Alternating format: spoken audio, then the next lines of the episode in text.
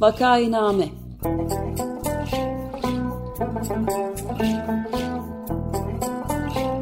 Salgın günlerinde memleket manzaraları.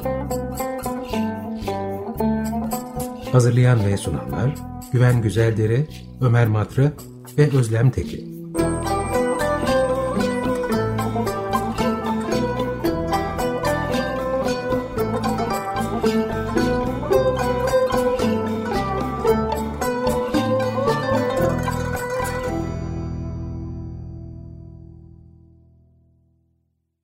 Vakainame'ye hoş geldiniz. 95 FM Açık Radyo'dayız.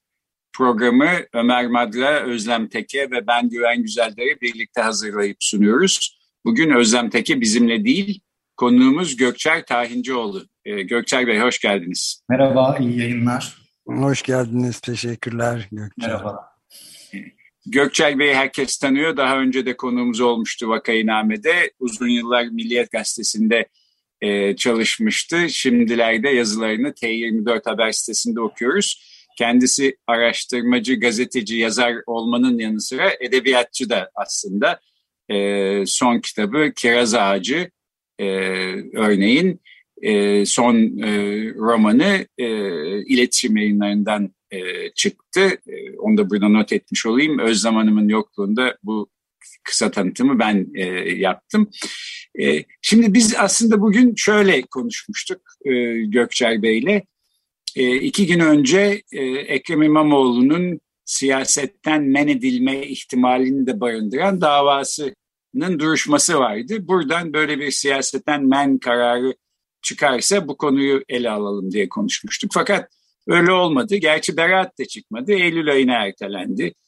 Ee, belki o zaman bir siyasetten men kararı çıkabilir. Öyle olursa bilahare e, bunu ele alırız.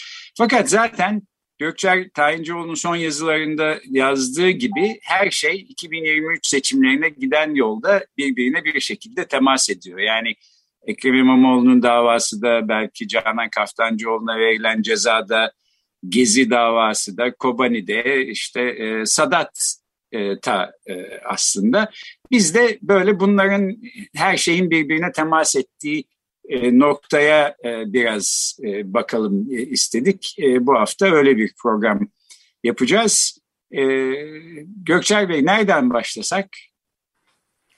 Vallahi her, her birinden başlayabiliriz çünkü e, yani belki Kaptancıoğlu'ndan belki daha güncel hani hemen e, birkaç gündür duruşmalar sürüyor. Kobani davasına bakmak lazım. Yani biraz unutulmuş. Yani Türkiye'de her şeyi biz çabuk unutuyoruz. İnsanların cezaevinde olduğunu, e, yıllardır cezaevinde olduğunu, haklarında mükerrer yargılamalar yapıldığını ve bunların neden yapıldığını çabuk unutuyoruz. Yani Kobani davası hem insanların özgürlüklerinden alıkonulmuş olması nedeniyle daha önce yargılama konusu yapılmış e, dosyalardan, iddialardan üstelik e, insanların özgürlüklerinden alıkonulmaları nedeniyle önemli. Ben böyle şeyleri de daha çok isimsiz konuşmayı seviyorum aslında ama hani yani Gezi davasında Osman Kavala ya da e, Kobani davasında Demirtaş değil. Yani bütün burada yapılanlara hani insanlara yapılanlar olarak bakmak gerekiyor. Çünkü isimlerden bakıldığında herkes siyasi kamplara ayrılıyor çok kolay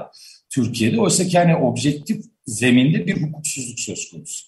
Ama Kobani davasının bir de şu yanı var e, Anayasa Mahkemesi'nde HDP aleyhinde açılmış bir kapatma davası sürüyor ve bu kapatma davasının iddianamesinin bütün nüvesini, e, ana omurgasını Kobani davası iddianamesi oluşturuyor.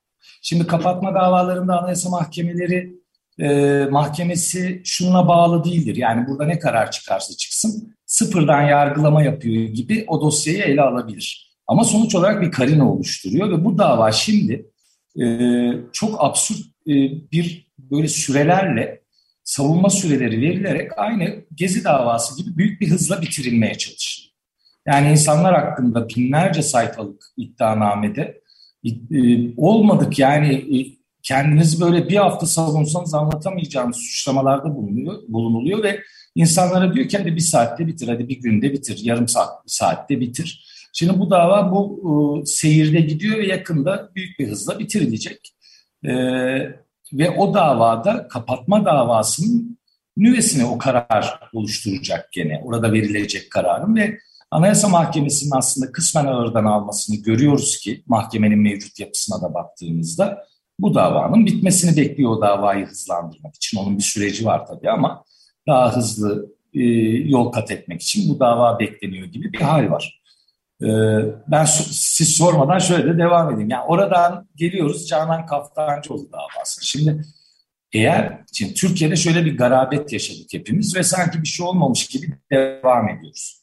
Ee, bir cemaat önce devletin en kritik noktalarına yerleştirildi. Yargının ve polisin bütün kontrolü bu cemaatin eline bırakıldı. Bu cemaat akıl almaz operasyonlara imza attı ve operasyonlarda sıra iktidara geldiğinde e, aralarındaki iktidar çatışmasından dolayı iktidar e, bu cemaati terör örgütü ilan etti. Sonra e, Aa, bu davalar da kumpas olabilir dediğinizde haklı olabilirsiniz biz anlamamışız diye başa dönüldü. Ama bunu yaparken dediler ki ya biz bunların terör örgütü olduğunu bilmiyorduk ki 17-25 Aralık'ı milat kabul ettik. Tamam edelim. E, o zaman mesela Kaftancıoğlu için de 2015'i milat kabul edelim. Çünkü tweetlerin hepsi 2013-2014'e ait. Yani madem böyle sözle bunu yapabiliyoruz.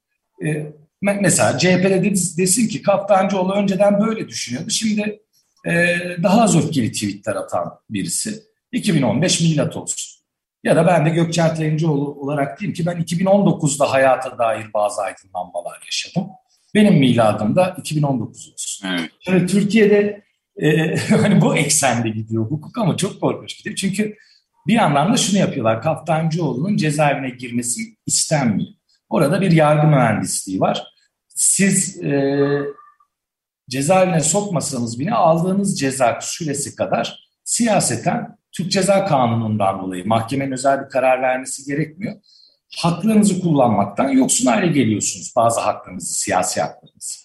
Bence Kaftancıoğlu'nun bizim yasalarımıza göre il başkanlığını e, yürütmesinde ya da CHP üyesi olmasında bir sakınca yok ama onu da göreceğiz. Yargıtay Başsavcılığı kendiliğinden belki de e, üyeliğini düşürecek. Bu bir yargı konusu olacak. E, ama hani fiilen sürdürecek ama yarın Kaftancıoğlu bir yere aday olmak istediğinde olamayacak. Yüksek Seçim Kurulu'ndan dönecek. İşte İmamoğlu davasını da aynı zeminde tartışıyoruz. Hani buradan görüyoruz ki iktidar çıkan yasal düzenlemelere de bakmak lazım. Seçim yasası, sosyal medya yasası şimdi mecliste görüşülmeye başlanan. E, tankıyla, topuyla, tüfeğiyle 2023 seçimlerine işte yargıyı kullanarak, meclisi kullanarak, sokakta e, kimsenin demokratik haklarını kullanmasına izin vermeyerek bir süreç işletiyor. O yüzden bana kalırsa bunların hepsi birbirine bağlı ve ayrılmaz bir biçimde bağlı. Evet, e, tabii siyasi mühendislik projeleri her zaman istenildiği gibi işlemeye de biliyor. Yani bir iş yapılırken gözetilen bir hedef ya da e, onun arkasında var olan bir niyet oluyor ama e, o iş istediğiniz sonuca ulaşamayabiliyor. Türkiye'de siyasi yasakların istendiği türde sonuçlar getirmediğini işte tarihten örneklerle biliyoruz. Yani 1980'in Eylül ayının sonlarına gitsek e, Süleyman Demirel ve Bülent Ecevit belki hiçbir zaman siyasete yeniden dönemeyecek diye e, düşünürdük ama öyle olmadı. Üstelik Turgut Özal gibi çok e, popüler bir siyasetçinin çabalarına rağmen e, yeniden işte iş halk oylamasına sunulduğu zaman siyasete döndüler. E, Tayyip Erdoğan'ın kendisi bizzat siyaset yasağıyla karşılaşmış. Daha sonradan e, siyasi açıdan yükselmiş bir kişi. Dolayısıyla Canan Kaftancıoğlu, Ekrem İmamoğlu, Selahattin Demirtaş bunlar da yani Türkiye'de hayat boyu artık siyasetten men edilmiş e, denmesi bir insanın e, aslında öyle olup olmayacağını tabii ki belirlemiyor. Dolayısıyla bu, bu tür e, hamlelerin, yargı hamlelerinin ters tepme ihtimali de herhalde olsa gerek değil mi? Yani bunu da göz önüne e, alıyor iktidar, almasa belki daha e, keskin, daha sert e, adımlar atacak. E, alıyor galiba ama bir noktada da varını yoğunu 2023 seçimi olarak belirlemiş durumda. Yani şimdi tarihsel söylemlerine bakalım AKP'nin. Bunlardan bir tanesi parti kapatmaya, e, karşıyız. Yani bunu anayasa hükmü haline getirilecek, getirecekken biliyorsunuz meclisten o düzenleme son anda çıktı. Yani e, AKP'lilerin asılmaması nedeniyle o oylamaya belki de karşı olması nedeniyle e, ve Erdoğan o dönem çok tepki gösterdi. E, parti kapatmaya karşıyım, e, şahısların suçunu parti çekemez söylemi 2002'den beri bizim hayatımızda. Bir diğeri aklıma gelen af. Biz şahısları e, başkasına karşı suç işlemiş şahısları devlet affedemez söylemi. E, bakıyoruz işte daha geçen sene e, çok kapsamlı adına af demeseler de çok kapsamlı bir af kanunu çıkartıldı. E, ve o infaz kanunu sayesinde şu anda kimler kimler dışında e, bir diğer söylem değişikliği bu. E, bir diğerine bakıyorsunuz hemen 2023 seçim öncesi siyasi yasaklara karşı izleniyor. Ama açılan davalar hani bugün artık e, Türkiye'de bazı şeyleri tartışmak bana çok komik geliyor. Yani yargı siyasetle içli dışlı mıdır, değil midir? Hani bu, bu, bu artık görünen gerçekliğin ötesine geçmiş bir durum. Yani e, onun için hani hiç orayı tartışmadan geçiyorum. E, siyasi yasaklara karşısınız diyorsunuz ama belli isimleri siyaseten yasaklamakta da çok engel görmüyorsunuz. Daha önce çok tırnak içinde liberal yapısıyla tanıdığımız bazı yorumcuların e, yorumlarına bakıyorum. Ya her ülkede parti kapatıyor diye başlıyor cümleye artık. Hani iktidarın söylemine göre bir pozisyon aldıkları için e, o pozisyon şu anda parti kapatmayı, savunmayı e, gösteriyor. Yani şunu demeye çalışıyorum. AKP belki evet e, daha fazlasını da yapmayı düşünebilir ve aslında kendi deneyiminden dolayı, Erdoğan deneyiminden dolayı, öncesinde Erbakan'ın siyaseten yasaklanması, hemen ardından Erdoğan'ın yasaklanması, vekil olamaması, meydanlarda muhtar bile olamaz lafını sürekli gündeme getirmesi, oysa ki yasal değişiklik yapılması o günkü şartlarda olamayacaktı. Aday olamıyordu. Netekim e, anımsanacaktır. İşte Başbakanlığı Abdullah Gül üstlendi. Parti Genel Başkanlığı'nı e, Recep Tayyip Erdoğan üstlendi 2002'de. Yasal değişiklikler yapılıp Siirt'te yenileme seçimi yapılana kadar. Yenileme seçimiyle milletvekili olabilene kadar yasal değişiklikler yapıldıktan sonra. Türkiye'de evet her şey değişir. Siyasi mühendislikte istenilen sonucu vermez ama gene de 2023'e giderken kendilerini tutamadıkları bir nokta var diye düşünüyorum. Yani şu HDP faktörü de biraz ortadan kalksa, e, işte altılı masadan da bazı çatırdamalar yaşansa, bazıları siyaseten engelli hale gelse, bazılarını daha kriminalize etsek vesaire gibi bir düşünce sistemi var ve yargı da maalesef bu düşünce sistemine paralel ilerliyor gibi görünüyor. Evet, ben de şu arada bir şey e, ilave etmek istiyorum izninizle. Yani tam bir e, şey benzetme ne kadar yerindedir, doğrudur bilmiyorum ama yani gerek işte önde gelen distopya yazarlarının e, George Orwell'in, Franz Kafka'nın, H.G. Wells'in ve Elias Canetti'nin yani aklıma ilk ağızda gelenlerin ortaya koydukları sosyoekonomik tablolar yani yazdıkları romanlarda ortaya konan ortam bana olduğu gibi geçerli görünüyor Türkiye'de de şimdi. Tam bir distopya ortamı var.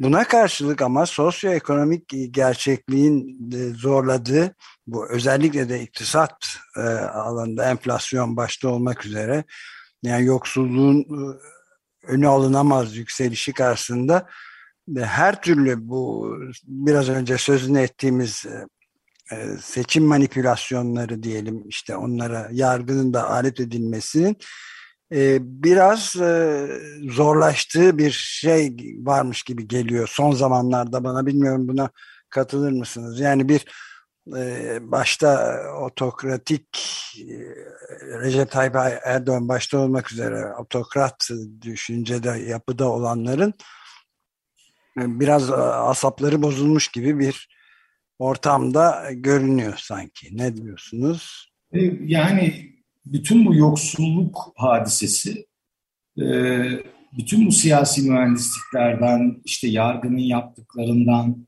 şundan bundan çok bağımsız biçimde bence temel belirleyici.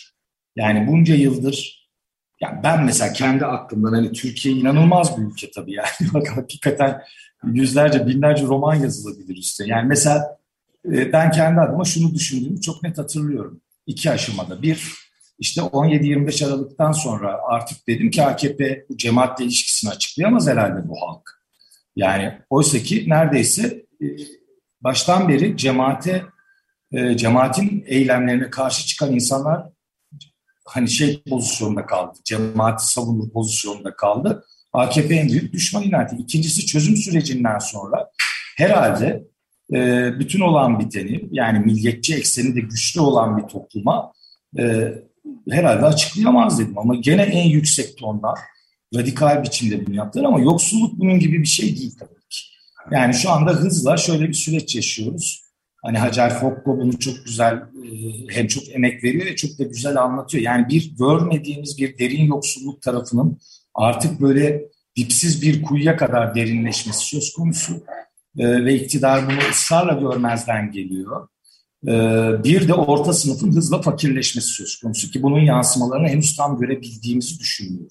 Yani şu anda alım gücü anlamında bir fakirleşme söz konusu ama galiba bütün bu koşullar bir süre sonra daha fazla işsizliğe yani yaz dönemi her zaman işsizlik rakamları farklılaşıyor ama ama sonrasında değişken bir tabloya yol açacaktır ve temel belirleyici olan da bu olacaktır. Yani bir yandan da bir toplumun aklıyla e, yaşadığıyla iktidarın gerçekliği arasındaki mesafenin çok açık olduğunu görüyorum. Yani çok hayretle.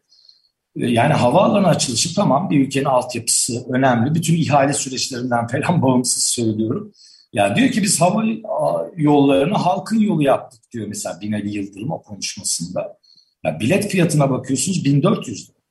Yani bu açıklamayı yaptığı gün İstanbul'dan yeni havaalanına uçmak için bir kişinin sadece tek gidiş 1400 lira para ödemesi gerekiyor. Ee, yani derin bir kopukluk var. Köprüden geçmek için sizin işte yarım maaş bırakmanız lazım hani gidip gelmeniz için.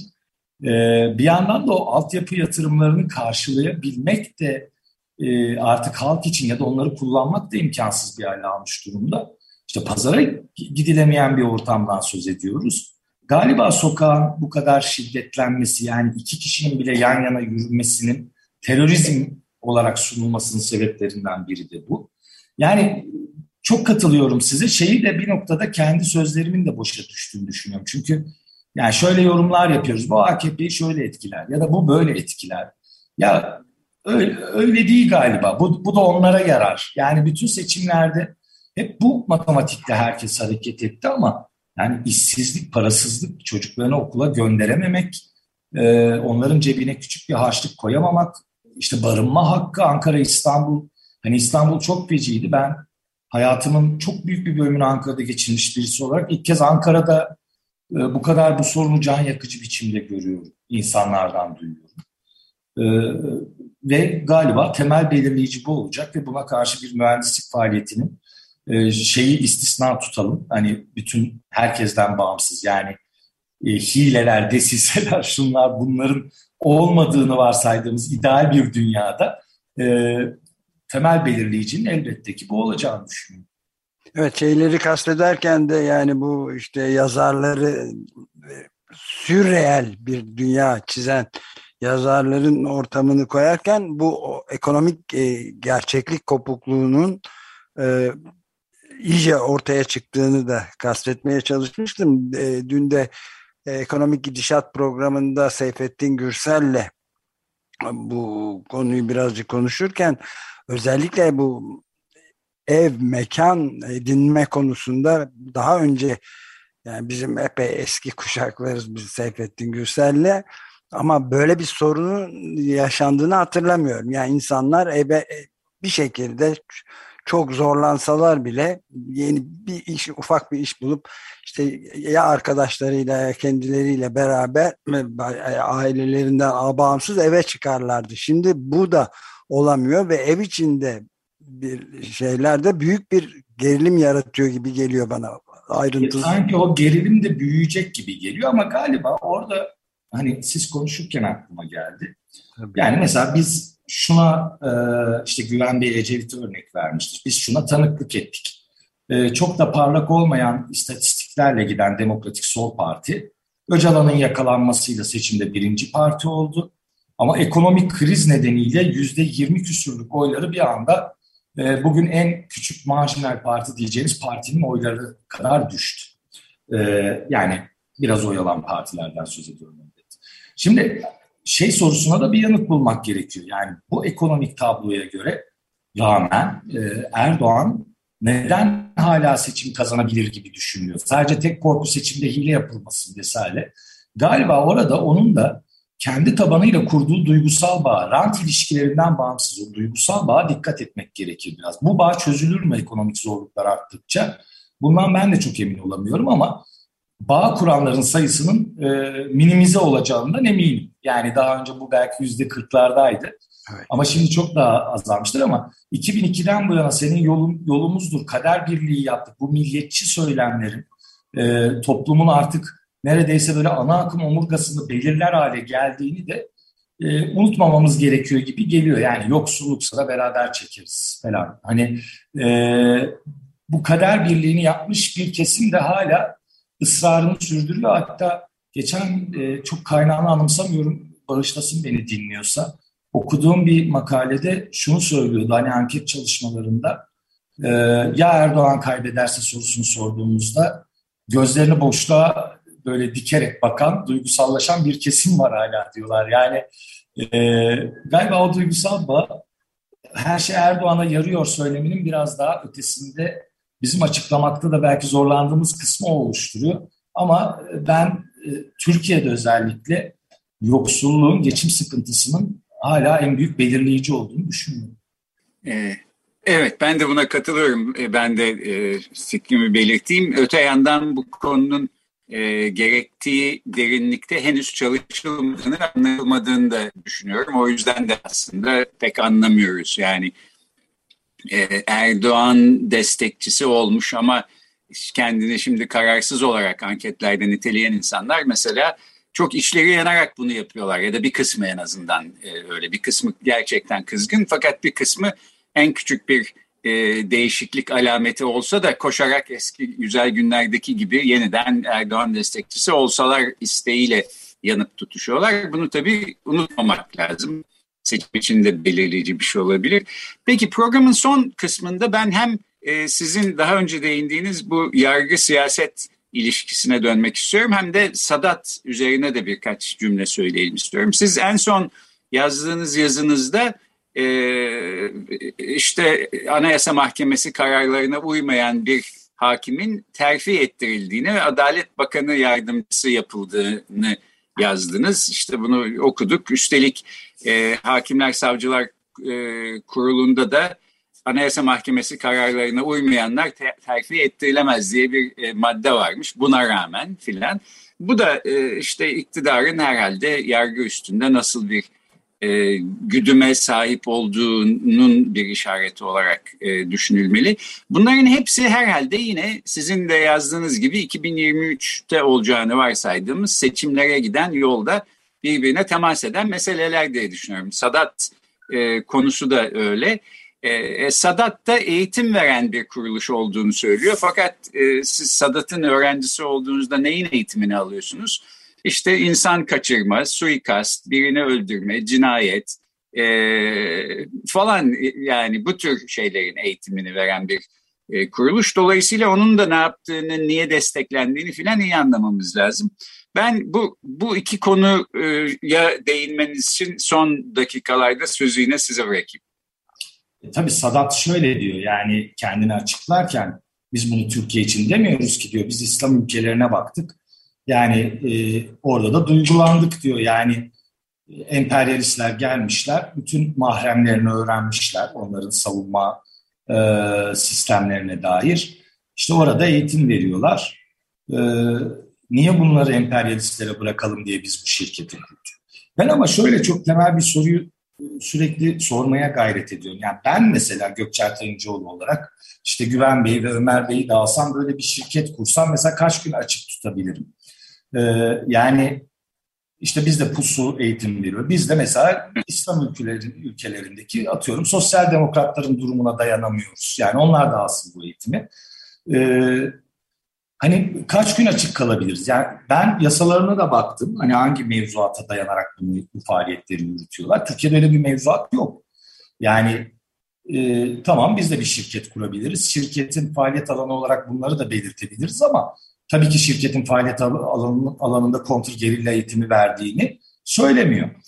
Ama ben Kılıçdaroğlu'nun oraya yaptığı baskını şöyle önemsiyorum. Bunu Sadat özelinde tartışmak eksik geliyor bana. Ee, bana kalırsa birden fazla ortalıkta e, kendini silahla külahla dolaşma hakkını bulan, örgütlenen, devlet adına konuştuğunu düşünen çok fazla yapı var ortada.